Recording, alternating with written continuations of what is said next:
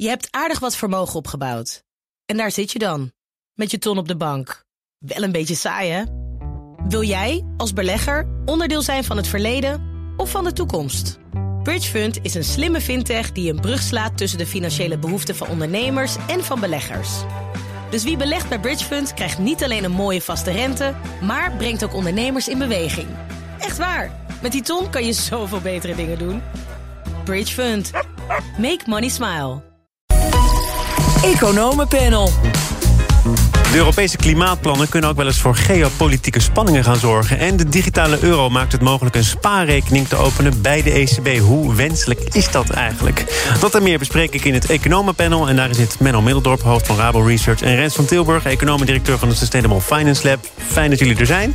Hallo. Laat ik uh, ook uh, heel erg sustainable beginnen met de plannen van Frans Timmermans. Die heeft een enorm pakket gepresenteerd. Plannen die raken aan de bouw, de autobranche, de luchtvaart, consumenten, de industrie. Bijna iedereen en alles. Het gaat pijn doen bij iedereen en alles. Is het een uh, goed pakket, Rens? Of uh, ga ik nu heel erg met grote stappen naar huis? Want er is zoveel te zeggen. Ja, precies. Dus waar moet ik beginnen? Nee, maar laat, laat ik beginnen met te zeggen dat ik heel blij ben uh, dat er zo'n uh, bijna allesomvattend pakket ligt.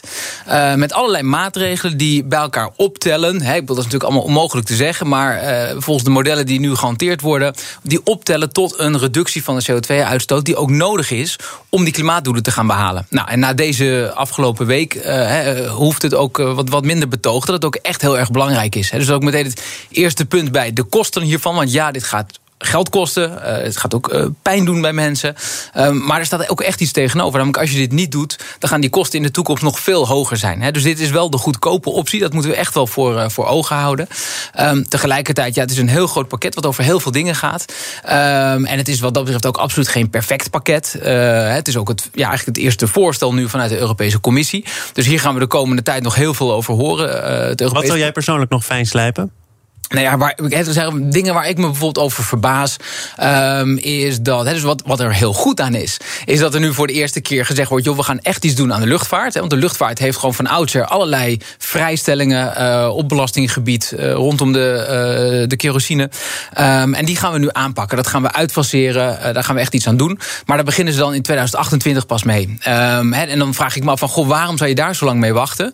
Daar kan ik me nog iets bij voorstellen als je het hebt over de internationale luchtvaart, hè, buiten Europa. Want dan krijg je meteen te, te maken met concurrentie. En, dat is waar KLM bijvoorbeeld maar, beducht voor is. Ja, zeker. Hè, als het buiten Europa gaat. Want dan moeten ze concurreren met, met, met, met Amerikaanse luchtvaartmaatschappijen uit het Midden-Oosten. Maar als je het hebt over het vliegverkeer binnen Europa. Hè, waarvan we toch juist ook weten. Je kunt heel veel met de trein doen. Uh, op andere manieren.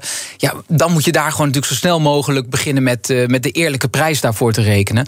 Maar dus op dat soort dingen zitten. En er zijn nog wel meer dingen waarvan je zegt van god, dat kan even, even anders. Maar ik denk overal moeten we heel blij zijn dat Europa nu eigenlijk als eerste grote regio zo'n pakket heeft neergelegd. Hè. En uh, heel belangrijk, want eind dit jaar komt uh, de wereld bij elkaar in, uh, in Edinburgh, in Schotland, um, om te gaan praten. Het is eigenlijk de volgende grote conferentie na Parijs, waarin de doelen werden gesteld. En dan gaan ze praten over, maar gaan we die doelen ook echt bereiken? En wie doet er nou precies wat? Nou, ik denk dat het heel belangrijk is dat Europa daar nu echt een serieus plan op tafel heeft liggen. Menno, als je het al over de hele wereld hebt die bij elkaar komt later dit jaar, dan valt op dat Europa nu een stap zet. Uh, ik kondigde het al aan. Misschien leidt die stap ook wel tot geopolitieke spanningen. In het oog springende maatregel is die uh, grensheffing. Hè? Dat wat je importeert aan CO2, daar ga je voor betalen. Um, is dat iets wat een uh, potentiële bom kan leggen onder internationale verhoudingen? Het is leuk dat je bom zegt. Want één manier dat je zou kunnen kiezen om het uit te spreken is KBAM. Omdat het een C-B-A-M. Dus uh, als je de C als een K uitspreekt, dat kan soms, hè, dan zeg je, kan je er KBAM van maken. Dus het, het zou een explosieve werking kunnen hebben op de internationale relaties. Uh, maar dat, dat ligt heel erg aan welke landen zeg maar, hier zich boos over willen maken. En ik denk dat uh, het voor Europa juist in die, ja, die, die internationale een middel kan zijn om het gesprek aan te gaan. of de onderhandelingen in te gaan. Andere landen ook uit te dagen om, om hun klimaatdoelstellingen serieus te nemen. Uh, en de vraag is welke landen er zin in hebben en welke niet. Kijk, als je uh, naar de huidige situatie kijkt, China en Amerika onder de huidige regering, die hebben allebei, die hebben allebei klimaatdoelstellingen. Die willen iets met klimaat doen. Dan wordt het iets moeilijker om te, terug te komen naar Europa en te zeggen van ja, maar geen grensheffing. Dat is echt uh, heel erg slecht. want ja, als zij meegaan meegaan in die beweging, dan hebben ze er geen last van. Dat zie je bijvoorbeeld aan het Verenigd Koninkrijk. Dat is het land die het meeste eigenlijk last zou hebben van een grensheffing. Behalve dat ze hun eigen CO2-prijs willen instellen. En daardoor hebben ze er uiteindelijk helemaal geen last van. Uh, terwijl ze het meeste handelen met, uh, met de EU. Dus als je meegaat in deze beweging, en steeds meer landen doen dat, um, dan, dan hoeft het niet tot spanningen te leiden. Maar ja, een land zoals Rusland, ja. die hier heel veel impact uit zal hebben.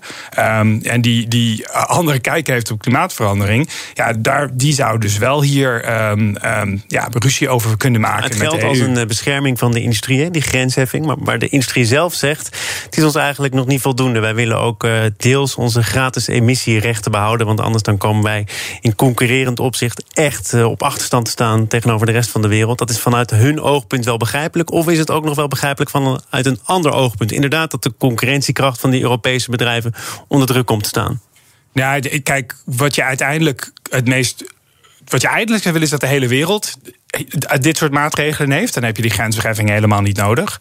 Maar als je dat niet kan bereiken, dan kan je die met die grensheffing dus zorgen dat die interne carbon price, dat die uh, prijs van CO2-uitstoot en equivalenten, uh, wel klopt. En als je dat goed regelt, ja, dan zou je ook die, die concurrentieproblemen van die industrie moeten kunnen um, oplossen. En dan zou je niet extra nee. um, ruimte moeten creëren op een andere manier. Is het goed te regelen via dat mechanisme? Ja, nee, zeker. Ik denk elk land in de wereld wat serieus iets wil doen aan zijn eigen klimaatdoelstellingen, die ze, die ze nogmaals in Parijs allemaal al hebben ondertekend, die zou hier eigenlijk niet zo'n probleem mee moeten hebben. Want precies zoals eh, Menno aangaf, eh, als, als, als, als een, een land als Engeland, wat gewoon eigenlijk voorop loopt met, eh, met carbon pricing in eigen land, ja, die, die zal dus ook aan de, aan de grens geen heffing gaan, gaan tegenkomen. Dus het zijn echt achterblijvers als Rusland, Saudi-Arabië, die hier een, een probleem mee, mee, mee zullen, zullen hebben.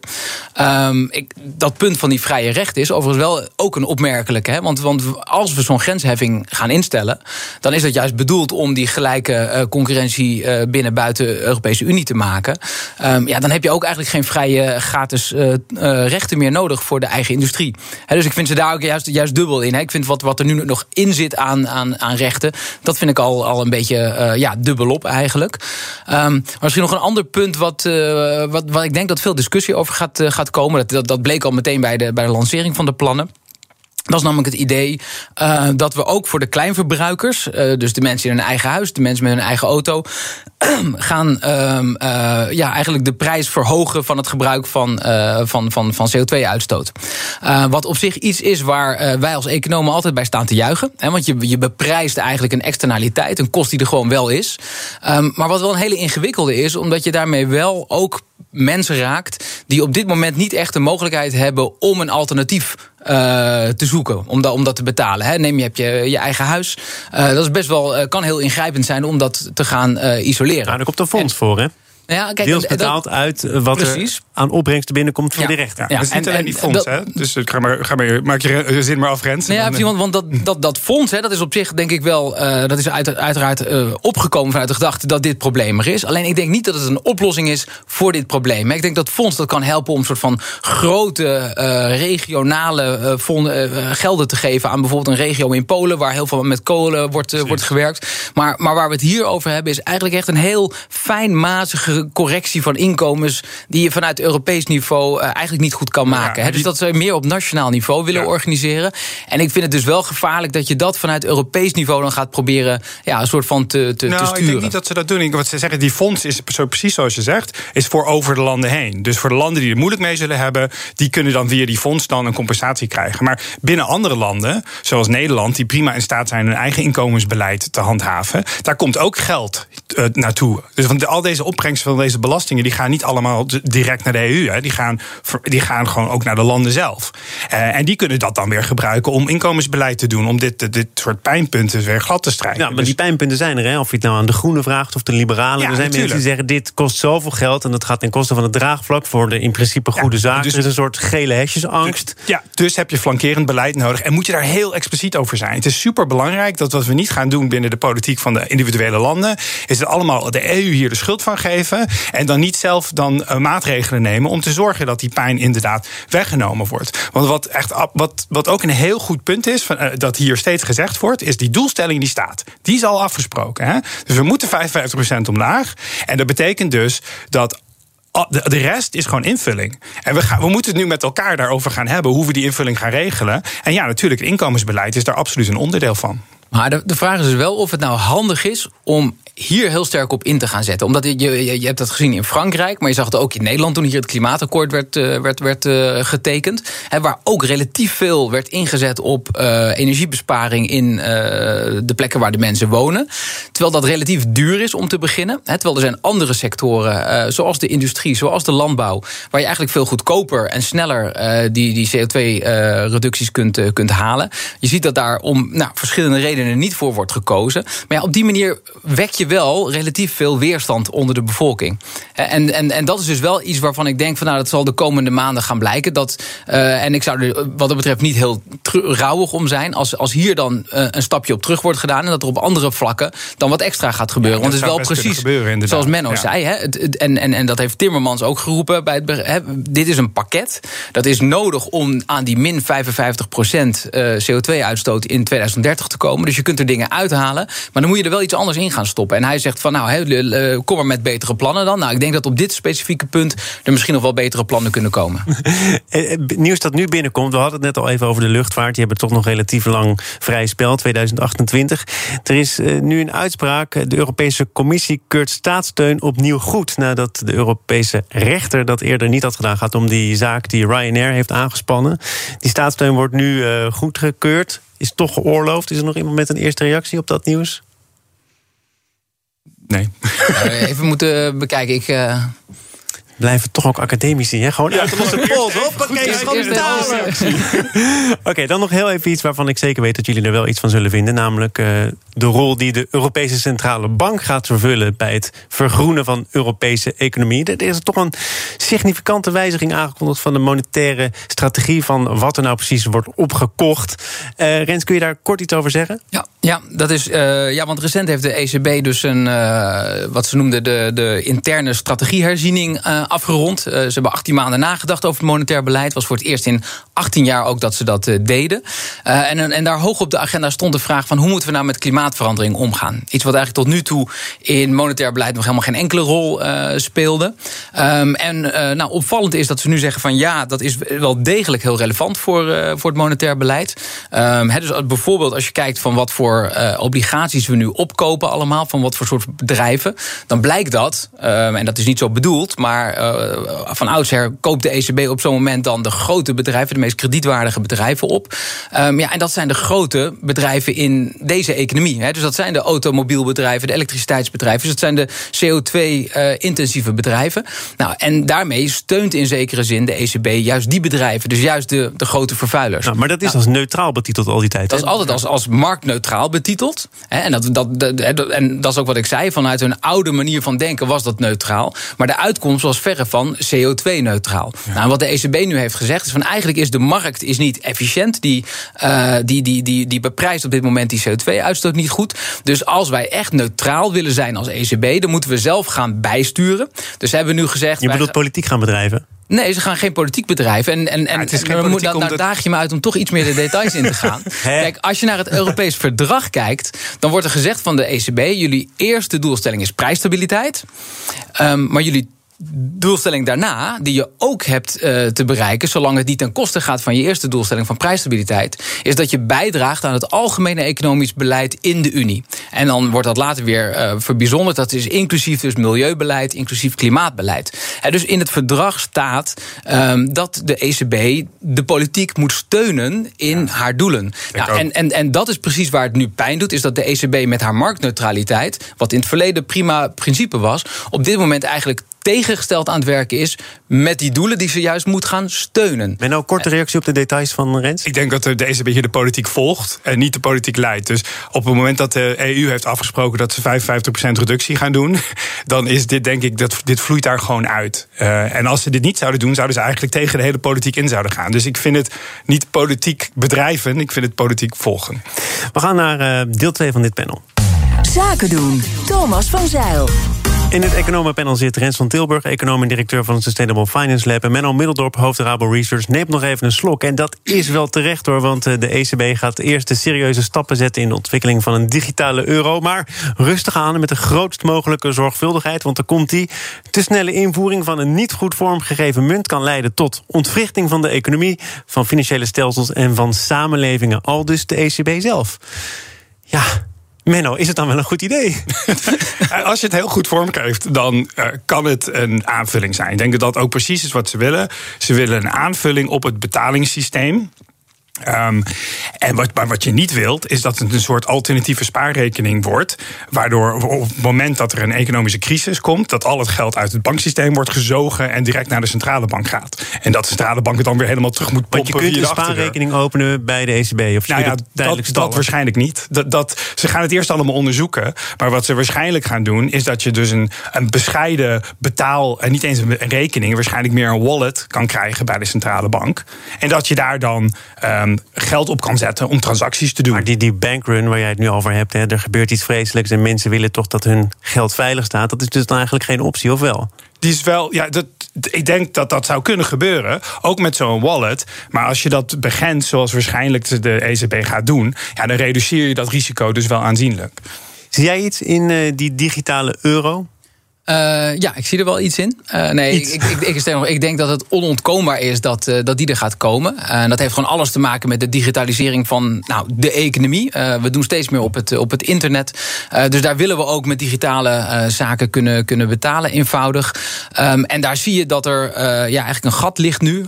waar Facebook met de andere partijen, met, met, de, met de Libra in dreigde te springen. China? In China. In China gebeurt dat al. Hè, dus daar, daar zijn al dat soort munten eigenlijk uh, gecreëerd.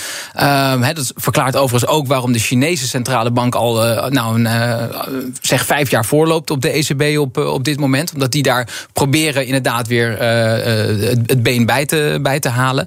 Ehm, dus, dus, dus ik denk dat het onontkoombaar is dat, dat de centrale banken gewoon om, om de oude functies van het contante geld te behouden, dat ze een digitale variant gaan, gaan aanbieden.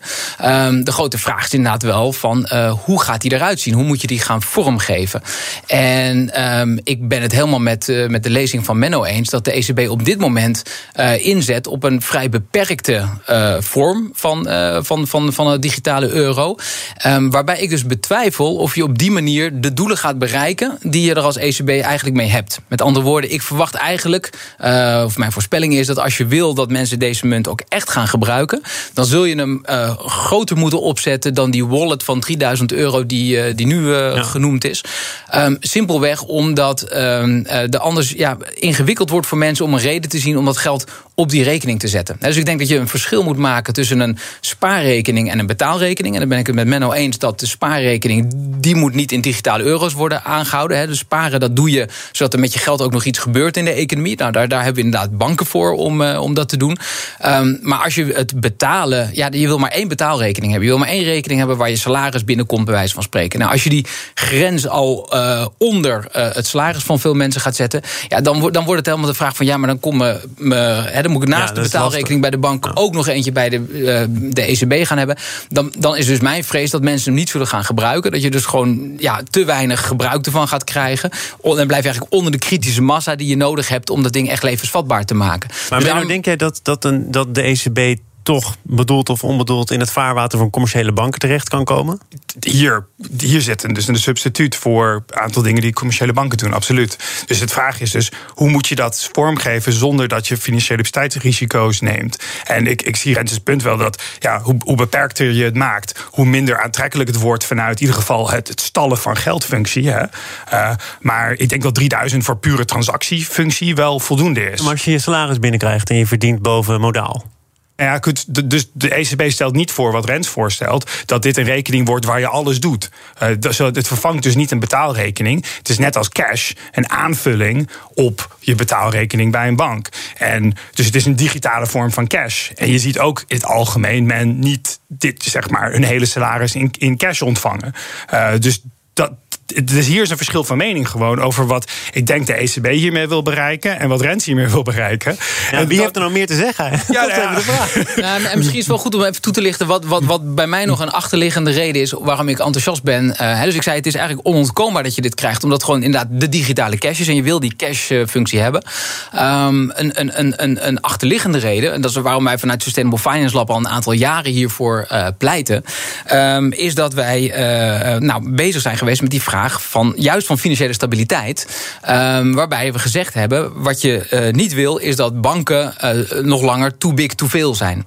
Want, want daardoor krijg je allerlei perverse uh, prikkels bij die banken. Die kunnen allerlei dingen gaan doen. Wetende, als het misgaat, dan worden we toch wel gered. Nou, en wat is een hele belangrijke reden waarom banken systeemrelevant zijn? Waarom je ze gered, moet redden als minister van Financiën? Dat is omdat al die betaalrekeningen daar zitten. Dus op het moment dat een, een Rabobank in de problemen zou komen dan kunnen in één keer heel veel mensen niet meer bij hun geld. Nou, dus dan stort de hele Nederlandse economie. En dat, dat kan dus geen enkele minister van Financiën voor zijn rekening nemen. Nou, wat, hè, dus daar, daar, daar, dat, was, dat was in 2008. Als, ja, nou, ik maak, maak, maak even mijn zin af. Per toeval gekozen. Dat, dat was in 2008 de reden, zeg maar, hè, wat we gezien hadden van waar kwam dit, deze crisis vandaan. Dus toen was iedereen het over eens. We moeten dat too big, too veel moeten we eigenlijk gaan, uh, gaan afbouwen. Uh, daar zijn allerlei pogingen voor gedaan. Die zijn allemaal eigenlijk gestrand. Hè, om dat betaalsysteem op een of andere manier te, te, te te verankeren op een andere manier of daar een hek omheen te zetten. Nou, en in feite, wat wij toen gezegd hebben vanuit Sustainable Finance Lab, um, is wat je kunt doen met zo'n digitale euro is um, eigenlijk een achtervang voor het betaalsysteem maken. Dus als iedereen een rekening heeft bij de Rabobank, maar ook bij de ECB, um, ehm, dan kun je zorgen dat op het moment dat de Rabobank in problemen komt, dat dat geld direct naar die ECB-rekening gaat. En dan hoef je dus om die reden die bank niet overeind te houden. Maar daarmee creëer je juist die instabiliteit die je wil voorkomen. Dus als je kijkt naar ook andere landen tijdens de crisis, dit, dit betalingsverkeer-element is een heel specifiek Nederlandse issue die ik niet in het buitenland tegenkom. Ik zat uh, kort na de crisis bij de Amerikaanse centrale bank.